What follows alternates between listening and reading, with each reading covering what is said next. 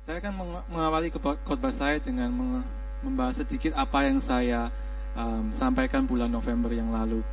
Jadi firman Tuhan pagi ini berkaitan dengan khotbah yang saya sampaikan tanggal 15 November 2015. Khotbah bulan November yang lalu berjudul apa saudara? Ada yang ingat? Yang masih ingat? Nggak ada yang ingat ya? Judulnya mengalami hidup yang istimewa setiap hari itu saudara. Mengalami hidup yang istimewa setiap hari. Saudara kalau saya kalau sudah diprintkan catatan ini jangan dibuang ya saudara.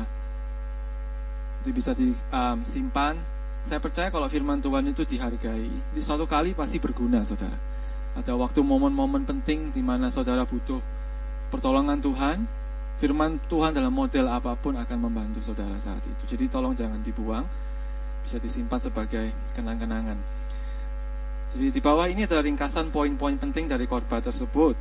Yang pertama, mengalami kehidupan istimewa setiap hari adalah hak milik orang percaya di dalam Tuhan Yesus Kristus. Jadi tulis di situ hak milik. Hak milik ini dijamin dengan janji firman Tuhan tercatat di Yohanes pasal 10 ayat 9 sampai 10. Di situ berkata, Akulah pintu, barang siapa masuk melalui aku, ia akan selamat, dan ia akan masuk dan keluar dan menemukan padang rumput. Pencuri datang hanya untuk mencuri, membunuh, dan membinasakan. Aku datang supaya mereka memiliki hidup dan memilikinya secara berlimpah. Jadi ini adalah janji Tuhan. Poin ketiga, jika kita yakin bahwa kehidupan istimewa setiap hari adalah hak milik orang percaya, maka sebagai wujudnya kita akan mengisi hari-hari kita dengan perkataan, perbuatan, pikiran, dan perasaan yang baik atau positif. Jikalaupun ada hal-hal buruk yang terjadi, kita akan menghadapinya dengan sikap yang positif. Poin keempat, kita menuai apa yang kita tabur, tidak hanya dalam bentuk perkataan dan perbuatan saja, tetapi juga melalui pikiran dan perasaan kita. Jikalau kehidupan kita sehari-hari diisi dengan lebih banyak hari-hari buruk atau negatif daripada hari-hari baik atau positif, itu pertanda bahwa sebenarnya yang kita tabur setiap hari adalah hal-hal negatif melalui perkataan, perbuatan, pikiran, dan perasaan kita. Definisi terakhir, uh, poin terakhir, definisi orang sukses adalah mereka yang berhasil dengan konsisten menabur hal-hal positif di dalam perbuatan, perkataan, pikiran, dan perasaannya setiap hari. Khotbah saya hari ini akan membahas bagaimana pikiran Anda, jadi satu dari empat elemen tadi, pikiran Anda mempunyai kekuatan untuk mengubah kehidupan Anda ke arah yang lebih baik. Jadi pikiran saudara, khotbah saya hari ini berkata ber, semua ber, bertujuan tentang mengubah pikiran. Tidak ada di catatan saya. Saya kemarin baru dapat quote yang bagus. Saya tidak tahu kalau saudara tahu pernah dengar quote ini. Kalau saudara tahu, saudara bisa tebak siapa yang pernah mengatakannya. Dalam bahasa Inggris dikatakan seperti ini. Watch your thoughts, lest it becomes your words. Watch your words, lest it becomes your deeds. And then watch your deeds, lest it becomes apa saudara? Your habits. And then watch your habits lest it becomes your character. And then watch your character lest it becomes your destiny. Jadi dalam bahasa Indonesia kurang lebih seperti ini. Berhati-hatilah di dalam berpikir. Jangan sampai itu menjadi perkataan saudara. Berhati-hatilah di dalam berkata-kata, karena itu akan menjadi perbuatan saudara. Berhati-hatilah di dalam perbuatan, karena itu akan menjadi kebiasaan saudara. Berhati-hatilah di dalam kebiasaan, karena itu akan menjadi karakter saudara. Dan berhati-hatilah dengan karakter saudara, karena itu akan menjadi takdir kehidupan saudara. Saudara tahu siapa yang mengatakan hal ini?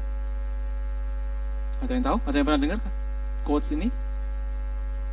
Yang mengatakan ini adalah Perdana Menteri United Kingdom yang cuma satu-satunya saudara itu perempuan satu-satunya perdana menteri siapa saudara Margaret Thatcher that's correct so she said this Jadi semua yang kita kerjakan kalau tadi saudara lihat dari um, prose tadi rentetan ke belakang semua dimulai dari apa?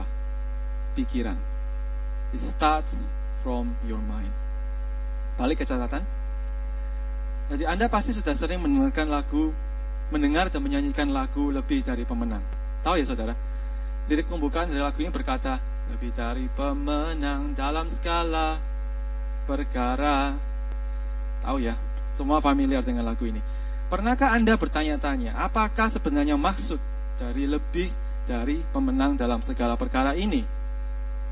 Apakah lirik ini berarti kalau Anda berpartisipasi dalam sebuah pertandingan lomba makan kerupuk sewaktu acara kemerdekaan, maka Anda akan menjadi pasti menjadi juara jikalau Anda terlebih dahulu berdoa sebelum dimulai. Apakah maksudnya itu? Atau apakah lirik lebih dari pemenang berarti kalau Anda sedang di dalam proses untuk mencari sebuah pekerjaan, maka Anda akan selalu menjadi yang didahulukan atau dengan kata lain menjadi pemenang dari kompetisi dengan melawan ribuan pelamar kerja yang lain jikalau Anda berdoa dan berserah kepada Tuhan sewaktu menulis CV dan sebelum wawancara dimulai. Apakah itu arti lirik itu? Atau kalau lirik ini berarti kalau Anda berdoa, terus ditambah dengan berpuasa, maka Anda akan memenangkan undian berhadiah. Kayak loto. Apakah itu maksudnya lebih dari pemenang dalam segala perkara? Untuk mendapatkan jawabannya, mari kita baca sama-sama di Roma pasal ke-8 ayat 36 sampai 38. Di situ tertulis, seperti tidak tertulis oleh karena engkau kami ada dalam bahaya maut sepanjang hari. Kami ini siapa, saudara? Kami ini adalah Paulus dan tim pelayanannya. Kami telah dianggap sebagai domba-domba sembelihan. Tetapi dalam semuanya itu kita lebih dari orang-orang yang menang. Itu dasar ayatnya ya. Oleh dia yang telah mengasihi kita. Sebab aku yakin bahwa baik maut maupun hidup, baik malaikat-malaikat maupun pemerintah-pemerintah, baik yang ada sekarang maupun yang akan datang atau kuasa-kuasa, baik yang di atas maupun yang di bawah, ataupun sesuatu makhluk lain tidak akan dapat memisahkan kita dari kasih Allah yang ada dalam Kristus Yesus Tuhan kita. Jadi konteks, tulis itu konteks, situasi ketika firman ini dituliskan dari ayat ini adalah bagaimana penderitaan Paulus untuk mengabarkan Injil di daerah-daerah non-Kristen pada saat itu tidaklah sebanding dengan anugerah keselamatan yang Paulus sudah terima dari Tuhan Yesus. Tidak ada kuasa lain yang sanggup untuk mematahkan semangat Paulus di dalam usaha pelayanannya, bahkan maut sekalipun. Jadi istilahnya dari permukaan penderitaan Paulus itu seolah-olah tampak sebagai sebuah kekalahan. Something that defeats him, but it's actually not. Namun justru itulah bentuk kemenangan yang Paulus terima setiap hari. Jadi Paulus menang atas penderitaan dan siksaan yang justru memberikan motivasi, mendorong dirinya untuk mengabarkan Injil lebih giat lagi. Itu contoh satu yang saya kasih saudara. Inilah arti yang sesungguhnya dari perkataan lebih dari pemenang. Dan yang berhubungan dengan konteks pengabaran Injil, bukan hal-hal lain seperti menang dalam lomba makan kerupuk, menang di dalam mencari pekerjaan, atau menang undian berhadiah. Saya memberikan contoh ini kepada saudara untuk mendemonstrasikan bagaimana mudahnya pikiran kita itu untuk dipengaruhi. Tulis di situ dipengaruhi. Jadi Gampang sekali kalau kita itu mengambil mendengar lagu, mendengar ayat firman Tuhan, kemudian diambil di luar konteks. Lebih dari pemenang dalam segala perkara. Apa saudara? Kalau saudara tidak tahu ayat Roma 8, 36 sampai 38 tadi, dasar kenapa lagu itu ditulis adalah karena untuk kemenangan Injil, maka saudara akan menyanyikannya dengan dalam dengan pikiran yang keliru, dengan harapan-harapan yang keliru. balik di situ. Di era modern saat ini di mana teknologi mendatangkan ribuan informasi kepada kita setiap harinya, baik melalui apa televisi, mobile phones, tablets. Jadi setiap orang itu diberi kesempatan yang sama. Kita kan HP sekarang tidak terlalu mahal, saudara. Kesempatan untuk memperkaya diri dengan informasi baru ini dan menjadi up to date setiap hari. Everyone has the access. This is the era of technology these days. Tetapi kalau hal ini tidak diimbangi, tulis di situ, diimbangi dengan peningkatan pengetahuan firman Tuhan, maka memperkaya diri dengan informasi-informasi baru ini bisa menjadi apa? kerugian. Menjadi kerugian. Secara sederhana seperti ini, Saudara. Pikiran kita itu berfungsi layaknya seperti tubuh kita ini. Apa yang Saudara makan akan tergambarkan dari kondisi dan bentuk tubuh Anda. Ya toh? Apa yang saudara pikirkan, apa yang saudara konsumsi, pikiran saudara konsumsi, berarti itu akan tercemin di dalam perbuatan dan perkataan saudara. Saudara tidak mungkin dari kurus jadi gemuk dalam sehari karena makan dalam sehari, tidak. Tapi karena sehari-hari dikonsumsi dengan makanan-makanan yang kurang bergizi, terlalu banyak gula dan lain sebagainya, kurang olahraga, maka lambat laun, mungkin selama 2-3 bulan, maka saudara mulai mengemuk. Jadi berkembang ke segala mata arah angin. Tetap sama dengan pikiran kita pikiran kita tidak bisa berubah dari A menuju suatu yang ekstremis ke, ke Z misalnya dalam sehari, saudara. Apa yang kita konsumsi di dalam pikiran kita, apa yang kita pikirkan selalu jadi konsumsi makanan kita, makanan pikiran kita, itu akan jadi perkataan kita, akan jadi perbuatan kita, akan jadi karakter kita, akan jadi hidup kita. Balik ya, ayat halaman ketiga sekarang. Oleh karena uh, mungkin halamannya agak lain, sorry. Jadi oleh karena itu kita harus selektif. Tulis di situ selektif. Dengan hal-hal apa saja hendak kita masukkan ke dalam pikiran kita. Sebelum diproses dan diproduksi lebih lanjut menjadi perbuatan dan perkataan. Karena pikiran yang pengertian yang keliru, pikiran yang keliru, pengertian yang keliru, tulis di situ keliru, akan melahirkan perbuatan dan perkataan yang keliru juga. Ada banyak contoh yang bisa saya sebutkan. Misalnya, seorang dewasa yang sering waktu kecil ya dipukuli sewaktu masa kecil atau sering diumpat, dikata-katai kotor, atau perlakuan tidak senonoh, ada kemungkinan besar trauma ini akan terbawa sampai ke masa dewasanya. Perasaan minder, rendah diri, atau mungkin pikiran dendam itu jauh lebih susah untuk disembuhkan daripada luka-luka memar di badan. Contoh lain, gerakan ekstremisme berkedok perjuangan agama. Saudara tahu ya, orang-orang ekstremis tidak menjadi ekstrim dalam satu malam. Ada proses istilahnya pencucian otak atau pendoktrinan di dalam pikiran mereka setiap hari yang akhirnya akan melahirkan para pelaku-pelaku bom bunuh diri. Tidak dalam sehari, saudara. Sebuah pemikiran keliru di dalam pikiran seseorang bisa ditularkan kepada ratusan bahkan ribuan orang yang lain. Kalau di sini anak-anak sekolah Sunday School diajarkan firman Tuhan. Kalau yang anak-anak yang lain diajarkan apa? Bayangkan kalau pelaku bom bunuh diri ini, kalau saudara baca berita, New South Wales Government kan try untuk ada interruption di dalam sekolah-sekolah. Apa yang diajarkan di sekolah-sekolah ini? Ternyata banyak sekali yang sudah masukkan pendoktrinan ini, saudara. Waktu mereka umur 11, umur 12. Jadi, they know nothing you know. they don't any better they don't any any better jadi pikiran mereka sudah terdoktrinasi akan sesuatu hal yang buruk jadi ketika sudah dewasa karena sudah sering dilakukan hal yang buruk ini maka susah sekali untuk kembali yang benar jadi itulah bahayanya pikiran. Kekuatan pikiran itu luar biasa sekali. Balik ke situ. Sebaliknya tadi itu pikiran yang keliru. Pikiran yang benar juga sanggup untuk mempengaruhi ratusan, bahkan ribuan orang untuk berbuat dan berkata-kata yang positif atau setidaknya mempengaruhi kehidupan kita sendiri untuk menjadi lebih baik. Mari kita sama-sama membaca firman Tuhan di dalam tulis itu Roma ayat uh, pasal 12 ayat yang kedua. Roma pasal 12 ayat yang kedua.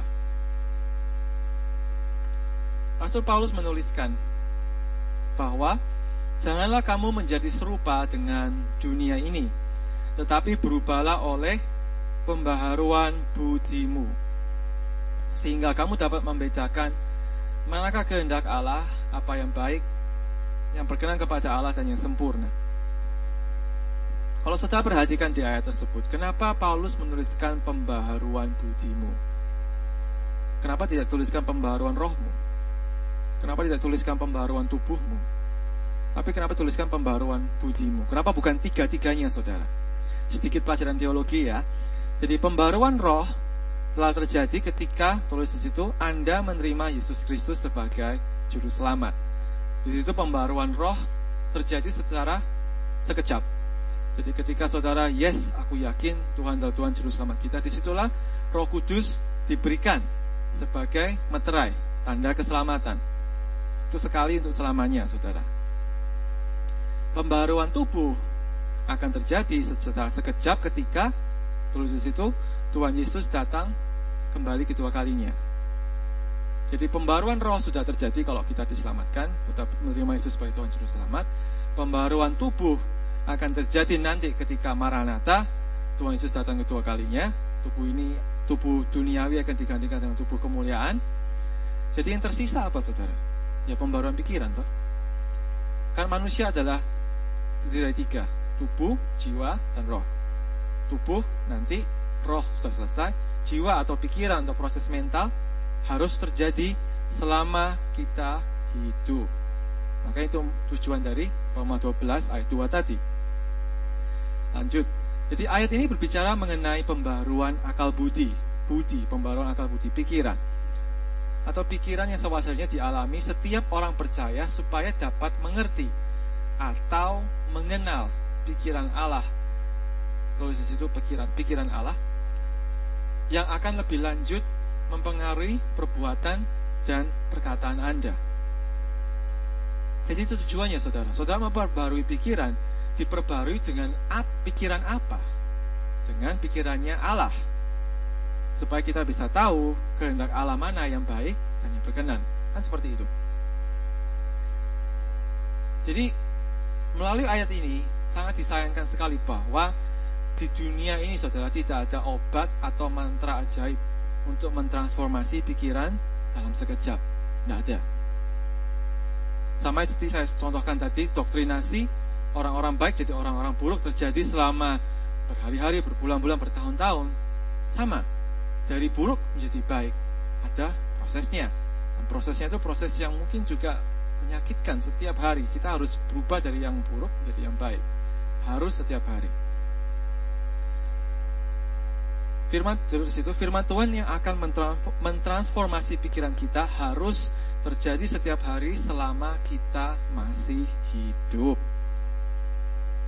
transformasi pikiran. Sebagai contoh, ini pernah saya sampaikan waktu khotbah bulan November tahun lalu.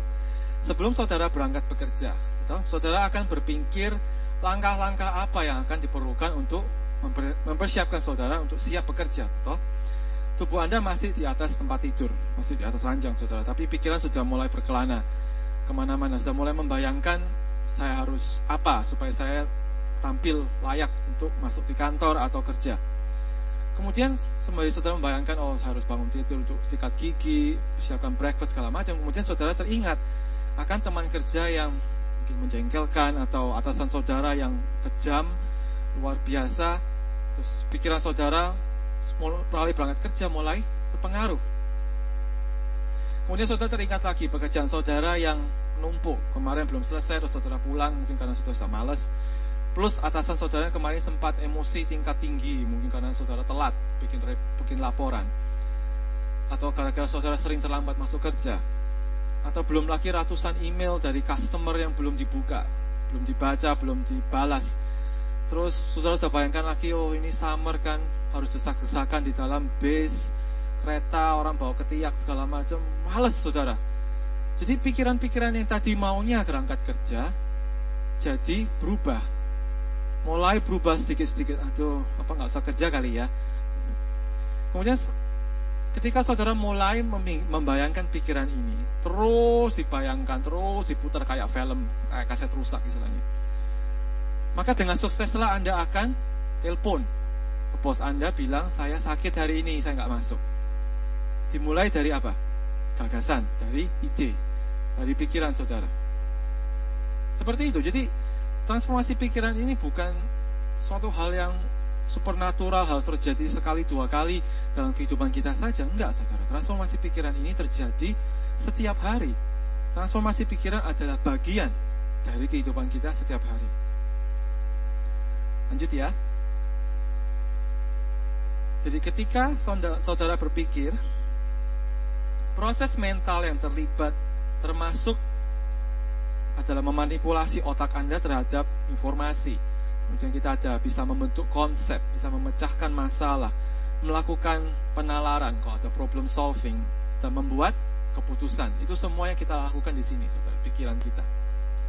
Dipikir bisa berarti mencampur, mencocokkan, menggabungkan, menukar, menguruskan konsep, persesi, pengalaman, macam-macam. Jadi di sini ini lumayan saudara. Otak saudara ini seperti komputer yang luar biasa canggihnya. Entah saudara hendak masak nasi goreng, menyelesaikan skripsi, berangkat kerja, ke supermarket, itu semua diawali dari pikiran.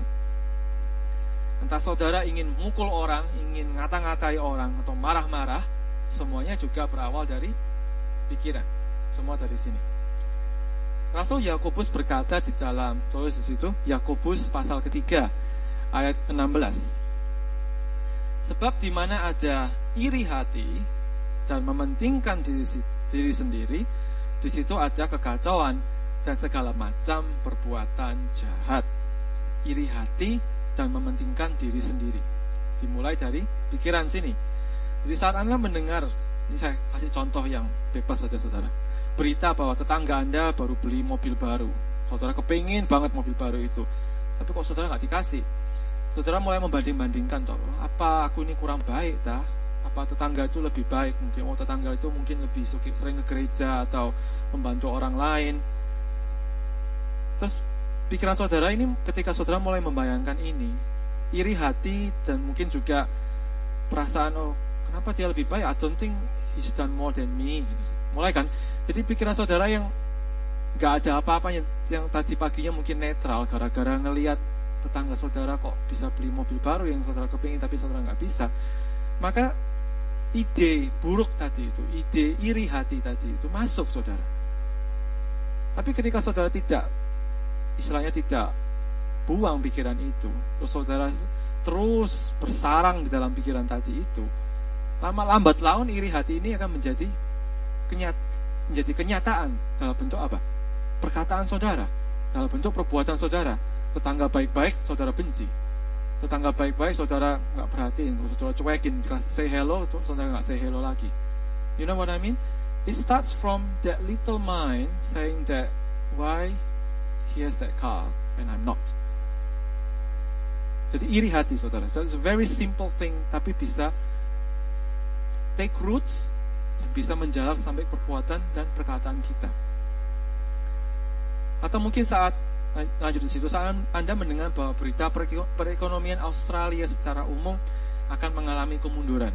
Saya banyak dengar ya saudara tahun 2015, 2016 oh, mereka bilang economic forecast akan lebih grim karena China stock market agak crash beberapa hari terus akan ngefek ke Australia karena kita ekspornya di sana banyak kan untuk iron segala macam mereka nggak butuh lagi iron maka ekspor kita akan turun dan segala macam lainnya maka ekonomi akan turun terus saudara mulai bayangkan oh, hal-hal seperti ini. Oh matengkon jadi apakah benar ini? Jadi perekonomian Australia turun kerjaanku aman nggak? Utang-utang mortgageku aman nggak? Pasti nggak aku bisa bayar utang-utang ini? Terus saudara ketika saudara itu ide kan saudara? Ide panik. Ide ketakutan. Itu mulai muncul di sini. Ketika saudara tidak tolak pikiran itu dengan pikiran firman Tuhan, maka ya sudah bersaranglah ketakutan ini dalam pikiran Anda. Nah, ketika pikiran ini sudah cukup lama berdiam di sini, ketakutan sudah lama berdiam di sini, maka akan translate di dalam perkataan saudara. Perkataan saudara akan mulai terdengar apa? Pesimis. Tidak lagi optimis rekan saudara pada tetangga mungkin teman oh iya aku setuju mungkin ekonomi nggak baik mungkin saatnya untuk nabung nggak usah nggak usah belanja terlalu banyak nanti saudara dimulai dari apa pikiran takut tadi pesimis kemudian saudara mulai perbuatan saudara mulai diganggu juga oh mungkin ekonomi akan menurun berarti aku nggak usah harus nggak usah persembahan dulu dah nggak usah perpuluhan dulu dah harus nabung dulu siapa tahu nih berbahaya tahun ini saya kalau nggak ada tabungan cukup nanti ada apa-apanya gimana? Nanti saudara, dimulai dari apa? Pikiran ketakutan tadi. Mulai bersarang, translate ke dalam pikiran, eh dalam perkataan dan perbuatan kita. Kalau pikiran tadi saudara lawan dengan janji firman Tuhan, ketika masuk, oh takut perekonomian, tapi Tuhan berkata, enggak, aku percaya Tuhanku masih bertata di kerajaan surga. Tuhanku lebih kuat dari segala ekonomi yang terjadi di dunia ini. Tuhanku mempunyai kekayaan yang dahsyat itu. Walaupun aku tidak dicukupi dalam pekerjaanku, Tuhanku akan mencukupinya dari sumber yang lain. I don't know. Tapi dia Bapak surgawi. You know what I mean? Jadi itu kejadian setiap hari, saudara. Ini proses, ini kan kayak cuma gambaran aja. Semua dari kita mengalami hal seperti ini. Tapi reaksi kita, aksi reaksi, reaksi kita atas pikiran ketakutan tadi itu yang akan membedakan saudara sebagai orang percaya dengan orang tidak percaya. Orang tidak percaya Tuhan bisa takut, terserah. Tapi orang percaya tidak bisa takut toh. Terus apa bedanya dengan orang yang tidak percaya kalau saudara juga tetap takut? Balik situ ya saudara. Jadi di, uh, kalimat saudara sudah mengetahui bahwa firman Tuhan bukan saja berisi Injil keselamatan. Bukan, bukan itu saudara, bukan cerita tentang Yesus lahir di Bethlehem, kemudian mati di atas kayu salib, menyelamatkan kita semua. Bukan. Kalau cuma itu tok, ya cuma ada empat kitabnya. Matius, Markus, Lukas, Yohanes. Enggak. Tapi firman Tuhan juga berisi sekumpulan cerita-cerita, kesaksian-kesaksian tentang banyak macam pribadi orang-orang diubahkan oleh firman Tuhan. Jadi makanya tebel saudara kitabnya. Karena juga ada cerita-cerita kesaksian. Ya, Firman Tuhan adalah wujud nyata kekuatan Allah yang menciptakan pikiran-pikiran yang penuh dengan pengharapan. Bagi mereka yang putus asa, juga bisa menciptakan apa? Gagasan-gagasan, konsep, persepsi baru atas kehidupan mereka yang tidak pernah sebelumnya terlintas dalam pikiran mereka. Contoh, punya anak ketika berumur 100 tahun. Siapa saudara? Abraham menjadi pemimpin sebuah, di sebuah negara asing. Yusuf menjadi pemimpin 3 juta orang menuju ke tempat yang lebih baik. Siapa?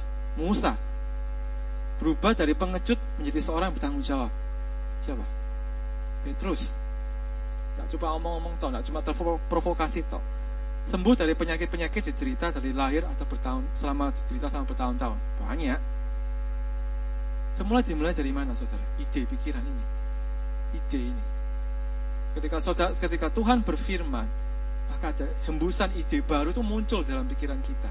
Tapi kalau kita tidak percaya, maka benih ini jatuh ke tanah yang tidak subur. Benih tidak jatuh ke tanah yang subur, tapi ke tanah yang mungkin semak belukar atau berbatu-batu atau jatuh ke tanah tidak subur. Karena saudara tolak itu. Benih ini kan benih firman Tuhan kan masuk dari Pikiran dulu saudara, ide dulu di sini loh. Saudara sudah tolak dari sini ya sudah, tidak terjadi, tidak terjadi dalam perkataan saudara, tidak terjadi di dalam perbuatan saudara. Semula, semula dari pikiran.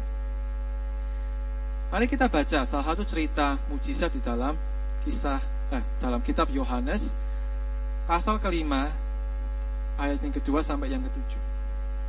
Ini tentang kalau saudara tahu ya orang yang sakit lumpuh selama 38 tahun di Bethesda. Jadi di Yerusalem dekat pintu gerbang domba ada sebuah kolam yang dalam bahasa Ibrani disebut Bethesda. Ada lima serambinya atau kayak kamar-kamar gitu. Dan di serambi-serambi itu berbaring sejumlah besar orang sakit, orang buta, orang-orang timpang, dan orang-orang lumpuh yang menantikan goncangan air kolam itu. Ayat keempat, sebab suatu waktu turun malaikat Tuhan ke kolam itu dan mengoncangkan air itu, barang siapa yang terdahulu masuk ke dalamnya, sesudah goncangan air itu menjadi sembuh apa pun juga penyakitnya. Jadi ini luar biasa. Di situ ada seorang yang sudah 38 tahun lamanya sakit. 38 tahun saja belum 38 sudah. Saya bayangkan rasanya lama banget. Jadi ketika Yesus melihat orang itu berbaring di situ, Yesus tahu ya. Jadi dia datang ke Bethesda dan lihat orang itu berbaring. Perhatikan apa yang Tuhan Yesus tanyakan bahwa ia telah lama dalam keadaan itu. Berkatalah Tuhan kepadanya, "Maukah engkau sembuh?" Kemudian jawabannya apa saudara? Jawab orang sakit kepadanya, Tuhan tidak ada orang menurunkan aku ke dalam kolam itu apabila airnya mulai goncang dan sementara aku menuju ke kolam itu orang lain sudah turun mendahului aku. Pertanyaannya apa? Maukah kamu sembuh? Jawabannya apa? Kok bukan ya dan tidak loh saudara? Jawabannya alasan. Aku tidak bisa sembuh karena tidak ada menurunkan aku, terus aku juga timpang, ya orang lain akan tahu loh. Kok alasan? Tuhan Yesus bertanya seperti itu. Tuhan Yesus juga sudah tahu loh saudara. Orang ini tumpung 38 tahun. Kenapa kok Tuhan nggak datang langsung jamah dan sembuh? Tidak. Karena Tuhan mau ngubah apa dulu? Nih, pikirannya. Ditanyai dulu, mau ndak kamu sembuh? Siapa tahu nggak mau sembuh, siapa tahu? Siapa tahu dia cuma mau dikasihani toh, atau self pity. You don't know. Kenapa Tuhan? Makanya Tuhan tanya, maukah kamu sembuh? Dan betulan jawabannya, oh alasannya itu dikasih dulu gitu loh, bukan dia dan tidak. Lanjut ya. Jadi Yesus tahu sebelum orang ini disembuhkan, maka yang terlebih dahulu harus diubahkan adalah pikirannya, keraguannya, mungkin kebenciannya karena tidak ada yang tolong dia atau orang pada egois semua, terus dia benci, jadi mungkin dia hmm, suka dan keburukan-keburukan lain tersimpan di dalam pikirannya yang pada hakikatnya itu merantai kehidupan orang sakit lumpuh ini lebih daripada kelumpuhannya sendiri. Pikiran kita sanggup untuk melumpuhkan hidup kita lebih daripada cacat fisik kita. Kita tahu ya banyak dengar ceritakan orang-orang cacat tidak bisa jalan, tidak bisa, tidak punya, tidak punya lim, tidak punya tangan, tidak punya kaki, tapi masih bisa kerja, masih bisa sukses. Orang yang buta bisa melakukan segala macam hal-hal lain yang kita sebagai orang normal tidak bisa. Why? Mereka cacat loh. Tapi pikiran mereka tidak cacat, saudara. Tubuh mereka bisa cacat, pikiran mereka tidak cacat. Pikiran mereka membawa mereka jadi sukses. Tapi kita kadang sebagai orang-orang cacat, kita dilu eh, kita kita orang sembuh, orang-orang normal, kita dicacatkan oleh pikiran kita sendiri. Pikiran kita sendiri. Sekarang kita bandingkan dengan cerita wanita yang sakit pendarahan selama 12 tahun. Mari kita baca sama-sama dalam Matius 9 ayat 19 sampai 21. Yesus dikatakan, Lalu Yesus pun bangunlah dan mengikuti orang itu bersama-sama dengan murid-muridnya. Pada waktu itu seorang perempuan yang sudah 12 tahun lamanya menderita pendarahan maju mendekati Yesus dari belakang dan menjamah jubah jubahnya. Karena katanya dalam hatinya, asal ku jamah saja jubahnya, aku akan sembuh. Beda ya saudara, mungkin satunya sakit 38 tahun, sakit 12 tahun. Ya mungkin itu bisa dikatakan perbedaan, tapi perbedaannya antara dua orang ini sebagai berikut. Kelanjutan kalimatnya, ketika wanita ini mendengar berita yang sama tentang kemampuan Yesus, sama-sama dengan beritanya toh, ada seorang dari Nazaret sanggup menyembuhkan um, orang-orang cacat. Sanggup Yesus menyembuhkan penyakit. Tidak ada alasan-alasan yang muncul di dalam pikiran wanita ini. Belum sempat ditanya Yesus loh saudara. Tuhan Yesus malah nggak tanya. Perempuan ini malah dengar berita itu. Dia dia malah malah merasa apa? Langsung optimismenya bangkit. Semangatnya bangkit. Ada harapan buat penyakitku Terus maka dia berkata, asal ku jamah saja jum, apa jubahnya, ujung jubahnya, kau akan sembuh. Tapi kalau pikiran wanita ini adalah pikiran yang pesimis, sama seperti orang yang sakit lumpuh tadi selama 38 tahun, maka yang muncul adalah alasan. Ah, ndak wis, aku cuma perempuan, paling Yesus tak terlalu peduli sama aku. Aku penyakit pendarahan 12 tahun, bayangkan malunya gimana saudara jalan di sana terus pendarahan, terus dilihat orang. Alasan-alasan ini bisa melumpuhkan wanita itu untuk tidak mencari Yesus, untuk tidak mempercaya berita kesembuhan itu. Tapi tidak, makanya di dalam kisah itu tidak pernah dituliskan Yesus bertanya kepada wanita itu. Tidak perlu karena imannya wanita itu sudah cukup gitu loh.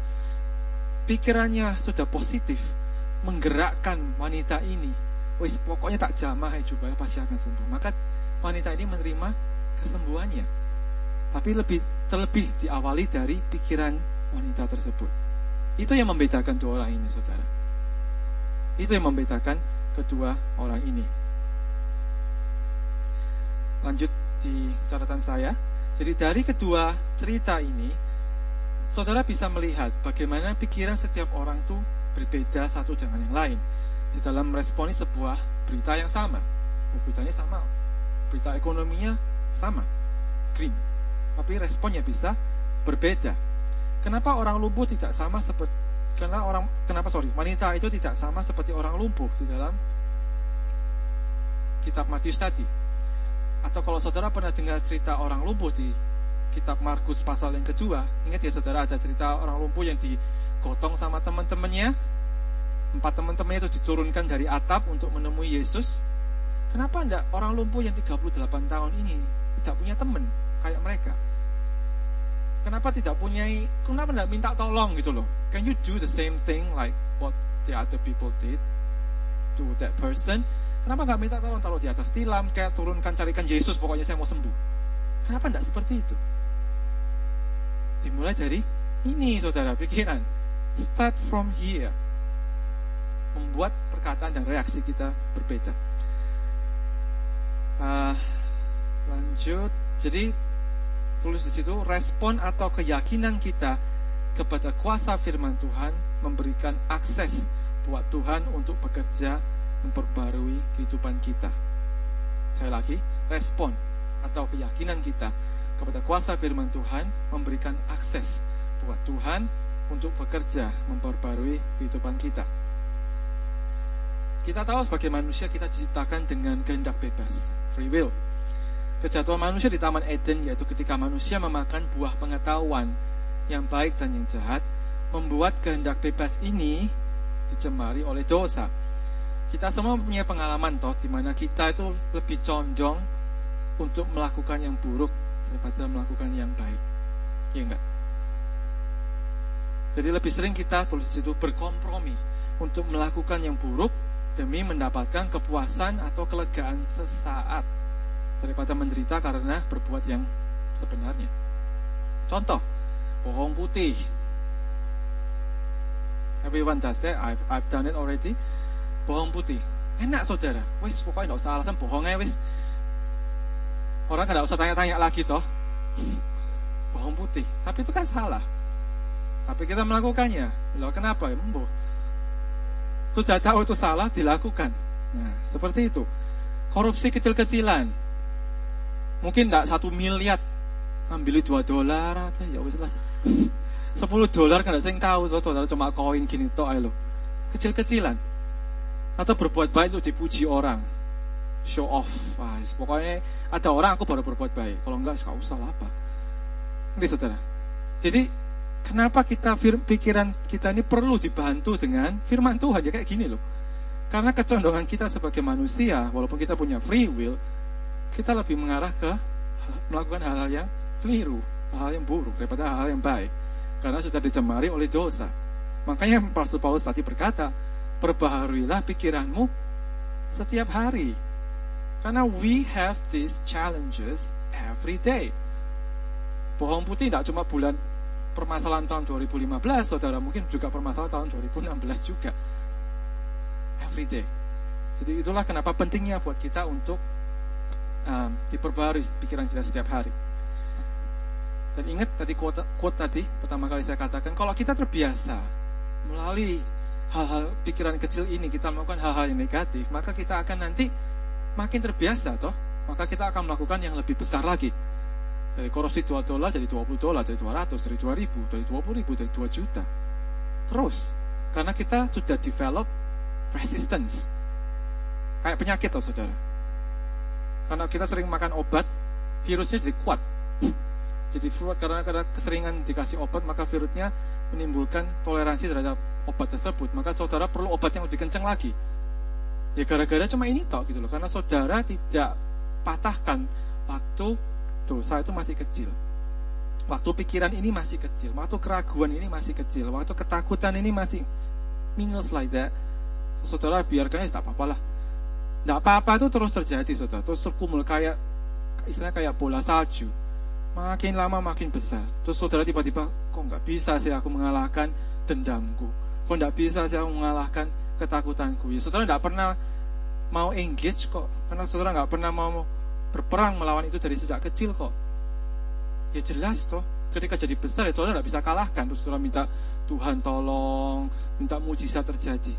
Padahal itu kewajiban kita setiap hari untuk waspada terhadap pikiran kita.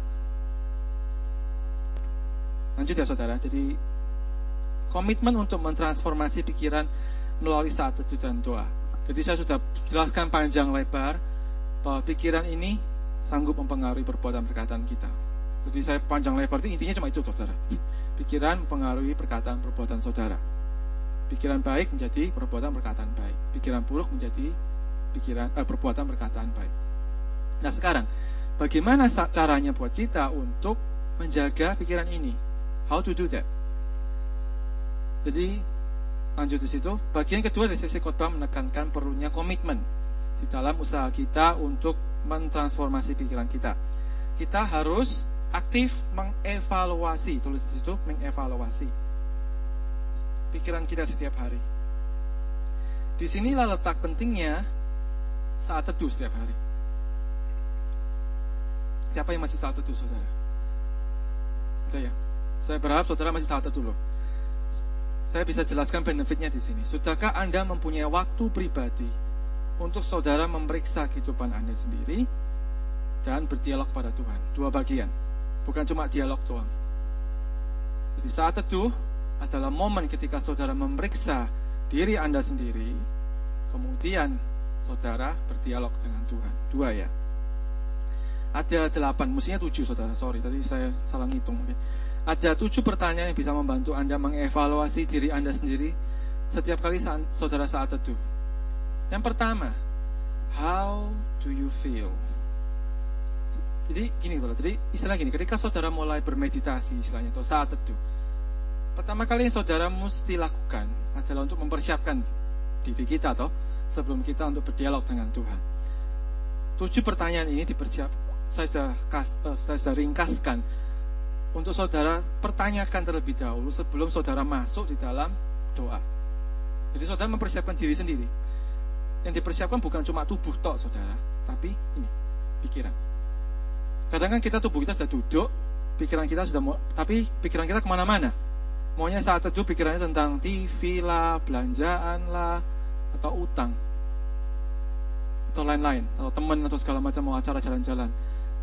Tapi tujuh pertanyaan ini akan membantu saudara untuk prepare your mind before you talk with God. Supaya saudara tidak ngomong dengan Tuhan, pikirannya kosong.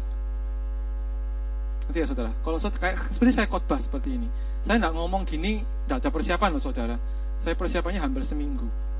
Sama, kalau kita ngobrol dengan mungkin, I don't know, whoever important person, saudara bayangkan kita ngobrol dengan Tuhan. Kalau saudara tidak persiapkan apa yang mau diobrolkan, ya bingung sih terus apa yang mau diomongkan gitu loh. Karena saat teduh itu harus ada benefitnya. Kalau nggak ada benefitnya ya saudara nggak akan saat teduh lagi. Makanya ada yang bolong-bolong. Karena saudara nggak merasakan benefitnya. Nah ini tujuh pertanyaan akan membantu saudara. Yang pertama how do you feel? Setiap morning saudara setiap pagi saudara bangun tanya diri saudara sendiri how do I feel today? Pernah saudara tanya seperti ini apa saudara membayangkan, oh apa sih aku harus kerja seperti ini? Tanya dulu, pertama kali, how do you do I feel today? Am I happy? Am I sad? Am I afraid? Am I in a peaceful moment? Apa? Situasi Anda saat itu, pagi itu apa? Kemudian lanjut, yang kedua. Apa yang saudara syukuri, yang bisa saudara syukuri hari itu? Mulai, pikirannya kan mulai di, istilahnya ditantang apa yang saudara syukuri? Oh, saudara syukur aku masih bisa sehat, aku punya kerjaan, aku keluarga aku mengasihi aku. Hal-hal seperti itu. Terus mulai ditata pikiran saudara. Yang ketiga, how will you spend your time today? Saudara mau kayak gimana menghabiskan waktu saudara hari ini? Perencanaan saudara. Mulai dimasukkan, oh aku mau sekolah, aku mau kerja, dan lain sebagainya. Mulai dirancangkan. Terus yang keempat, saudara menantang. Kalau misalnya besok aku mati, Am I going to do the same thing? Like what I've just said in number three? Kalau besok saudara mati, apa yang akan saudara lakukan? Apakah saudara akan bekerja lebih giat? Apakah saudara akan lebih mengusyukuri hidup ini? Apakah saudara akan buang ketakutan-ketakutan saudara? Ask that question, saudara. It's not, ini bukan kayak profetik, oh besok aku mati, enggak. Tapi ini untuk mindfulness jadi kalau saudara tubuh kita ini kita sering check up istilahnya tiap tahun lah. Yang sudah tua-tua kayak saya ini check up setiap tahun. Gula darahnya gimana pembuluh darah uh, tekanan darahnya bagaimana kolesterolnya gimana. Sama saudara. Main check up itu penting. Dan tidak ada alatnya di sini. Main check up itu kita sendiri. Jadi ini pertanyaan-pertanyaannya. Yang kelima what matters most in your life? Apa yang penting dalam hidup saudara apa keluarga Anda yang penting? Apa duitnya yang penting? Atau mobil saudara penting? Anak saudara penting? Siapa yang penting? Orang-orang jawabannya lain-lain, saudara. Yang keenam, apa yang bisa saudara lepaskan? What can you let go? Can you let go of your revenge, balas dendam, kemarahan, kebencian, putus asa? Terus saudara balik kepada pertanyaan tadi. Kalau aku besok mati, mau tak gandoli, tak gandoli, mau tak pegang kuat tak ini perasaan dendam ini? Mau tak pegang kuat tak perasaan takut ini? Atau mau tak lepas? Aku mau bersuka cita hari ini. Aku tidak mau sedih hari ini. Which one? Dan yang terakhir, apa yang bisa saudara berikan hari ini? What can you give today? Bisakah saudara kasih waktu Anda buat keluarga Anda lebih? Atau saudara mungkin ramah dengan teman kerja saudara? Mungkin kasih makanan atau bawakan makanan kayak bawakan minum kayak atau tanya how are you, just like that. These seven questions akan membawa saudara masuk ke dalam kesadaran penuh. Jadi posisi hidup Anda itu tidak mengevaluasi yang kemarin dan apa yang akan terjadi besok. But it's about now, today, now. Jadi ketika saudara sudah siap, setelah saudara memeriksa kehidupan Anda sendiri, maka Anda siap untuk masuk ke dalam tahapan berikutnya yaitu berdialog dengan Tuhan. Ini mempersiapkan pikiran, saudara, mempersiapkan pikiran sebelum saudara doa dengan Tuhan. Now, berdoa atau berdialog itu kan istilahnya percakapan ya, atau dua arah pembicaraan. Kalau satu arah khotbah namanya, saya ini khotbah. Apakah kita lebih sering khotbah sama Tuhan atau bercakap-cakap? Kalau Tuhan di khotbah itu kan ah, aku minta ini Tuhan A B C D sampai Z, amin, selesai. Tuhan Tuhan mau ngomong nggak? Belum belum mau ngomong sudah selesai duluan. Bercakap-cakap itu dua arah. Harus ada waktu istilahnya. Istilahnya kalau saudara ngomong sama orang toh, saudara ngomong kan enggak, cuma saudara tok yang ngomong. Saudara dengar dari sebelah itu balas apa. Terus saudara berhenti ngomong, balas apa. Terus saudara ngomong lagi. Kan seperti itu. Ini namanya bercakap-cakap saudara. Nah, di dalam sebuah percakapan, baik dengan orang lain atau dengan Tuhan, selalu ada elemen kepercayaan kepada lawan bicara kita. Kalau kita tidak terlalu yakin dengan lawan bicara kita, bisa dipercaya apa enggak, maka dialog kita dengan akan sebatas informasi yang biasa-biasa atau A itu, bahasa basi lah istilahnya. Aku tidak terlalu percaya sama kamu, aku ceritai masalah hidupku disebarluaskan ke seluruh Indonesia, harus gimana? Ada elemen kepercayaan jadi saya saya berharap di sini percakapan Tuhan, percakapan kita dengan Tuhan bukan basa-basi, saudara. Tahu doa basa-basi. Tuhan saya mau kerja, lindungi saya, amin. Nanti, saudara. Kalau saya mau makan, kuduskan firman, kuduskan makanan ini, amin. Ngomong tok, tapi pikirannya tidak di situ. Kayak mantra istilahnya. Jadi makanya pentingnya di tujuh pertanyaan tadi loh saudara. Jadi saudara itu membawa pikiran Anda dan tubuh Anda untuk berdialog dengan Tuhan. Bukan cuma tubuh Anda tok duduk di situ, tapi pikirannya ke mana-mana. Terus doanya kayak doa mantra. What's the point? Makanya orang tidak berdoa lagi, makanya tidak ada saat teduh lagi. Karena ini people miss out on this. People lupa the first step is actually preparing ourselves sebelum saat teduh. Sudahkah saudara mengizinkan Tuhan untuk memberi masukan dalam hidup Anda? Gitu? Sudahkah saudara menyampaikan hal-hal yang bersifat istilahnya rahasia atau opini atau saudara meminta opini, minta pendapatnya Tuhan. Tuhan, misal aku kerja di sini, what do you think? Atau misalnya kalau aku mau buka usaha sendiri, usaha apa Tuhan? Something like that. Jadi minta opini, minta pendapat. Pernahkah saudara meminta Tuhan untuk menunjukkan kepada Anda pilihan-pilihan mana yang sudah terjadi yang mungkin bisa terjadi lebih baik atau mungkin kesalahan-kesalahan mana atau mungkin mungkin bukan salah tapi pilihan apa yang mungkinnya bisa lebih baik lagi. Kalau Tuhan punya input.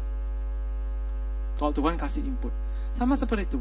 Jadi pada intinya, Sudahkah Anda jujur dengan Tuhan mengenai perasaan dan keinginan Anda? Sudahkah sampai di mana toh tingkat keterbukaan kita ini sama Tuhan? Apa cuma formalitas? Atau apakah sungguh Tuhan itu sebagai Bapak kita? Bapak itu kan sudah panggilan paling dekat toh, saudara. Bapak itu pokoknya tidak ada istilahnya tidak ada teteng, aling-aling, tidak ada penghalang lagi, tidak ada apa yang topeng-topeng masker ini tidak ada lagi. Apa yang kita mungkin pakai di gereja sebagai topeng, tidak perlu lagi. Karena dengan Tuhan ya apa adanya aja, Tuhan tahu kok. Tapi masihkah kita dalam pikiran kita, kita merasa oh kita tidak perlu terbuka terlalu banyak dengan Tuhan. Makanya saat teduh itu tidak ada efeknya. Nah, karena di saat teduh, tidak saat teduh, topeng Anda masih antara pakai. Tidak ada keterbukaan. Atau kalau saudara hanya sekedar berdoa untuk minta permohonan saja, maka terbataslah keuntungan doa tersebut. Sebenarnya berdoa adalah kesempatan di mana Tuhan memperbarui pikiran kita sesuai dengan kehendaknya. Ya ini bagian dari pembaruan pikiran tadi. Berdoa adalah kesempatan Tuhan untuk menyetir, menuntun Anda untuk berpikir, bertindak dan berkata-kata yang positif. Mari kita lakukan transformasi pikiran ini dengan sepenuh hati, dengan komitmen.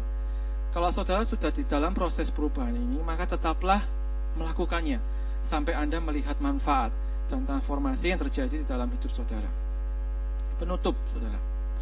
Sebagai ayat penutup, mari kita baca di Markus 10 ayat 46 sampai 51. Ini kisah tentang Bartimeus, orang yang buta dari lahir. Saudara sudah tahu?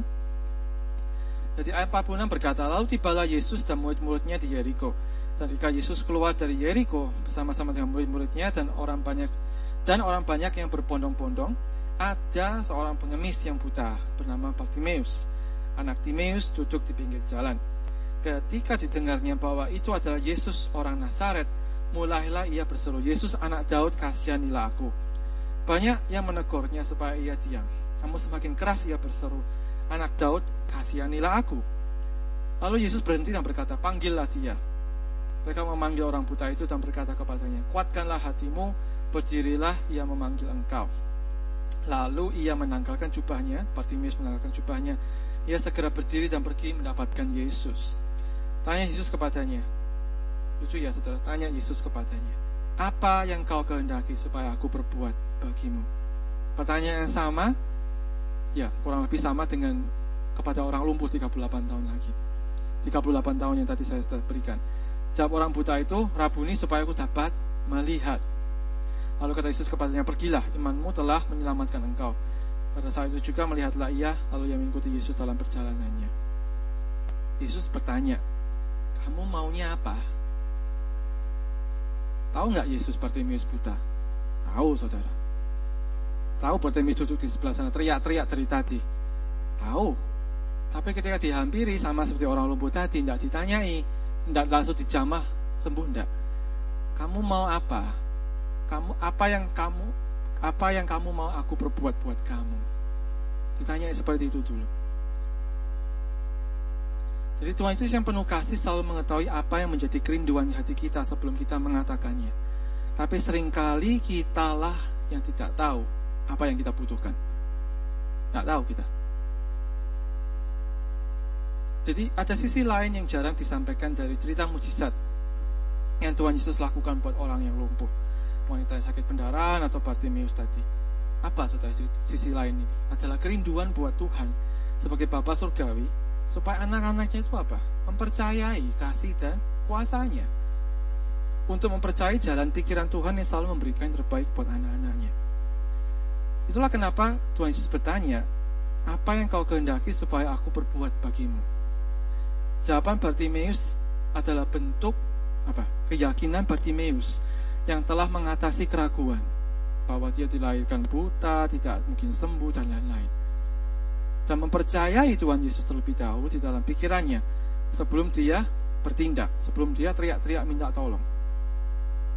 Setiap kali kita berdoa, have we prayed according to us atau according to God?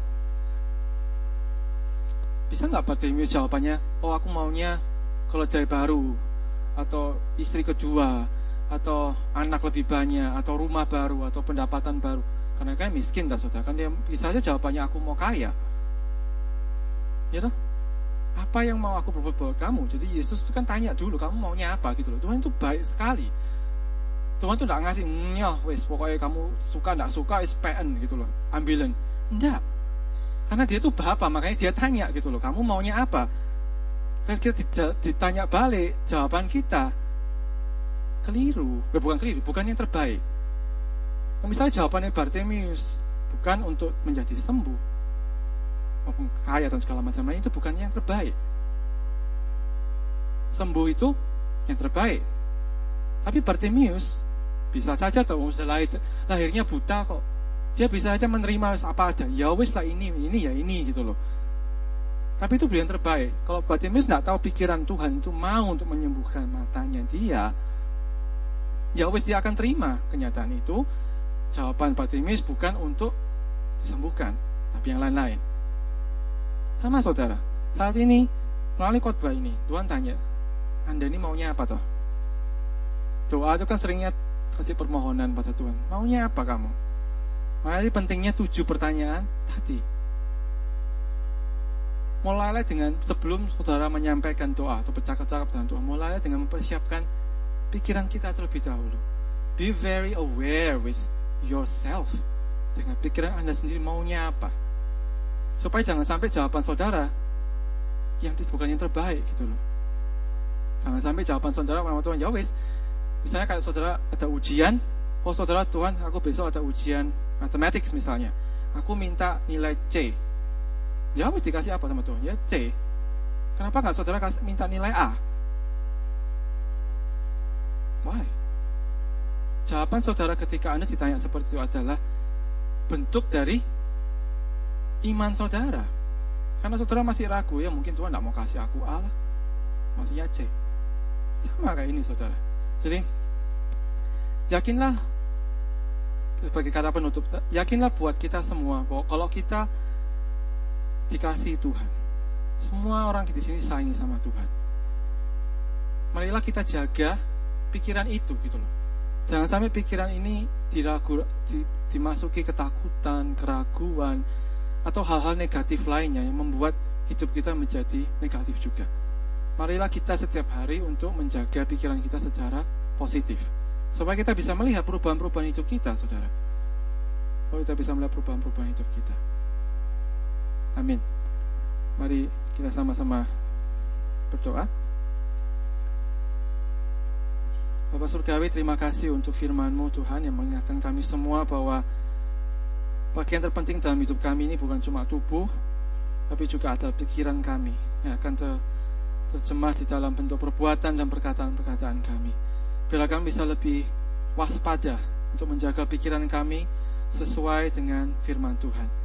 Bawalah kami untuk ketika kami diserang oleh ketakutan, keraguan, bila kami dengan rajin melawan semua hal-hal negatif itu dengan firman-Mu Tuhan. Mampukan kami untuk berkomitmen ketika kami juga ada pilihan-pilihan untuk kami mau berbuat hal-hal dosa, mungkin yang kecil yang kami anggap remeh, tapi kami mau berlatih supaya kami tidak tidak berkompromi dengan hal yang seperti ini.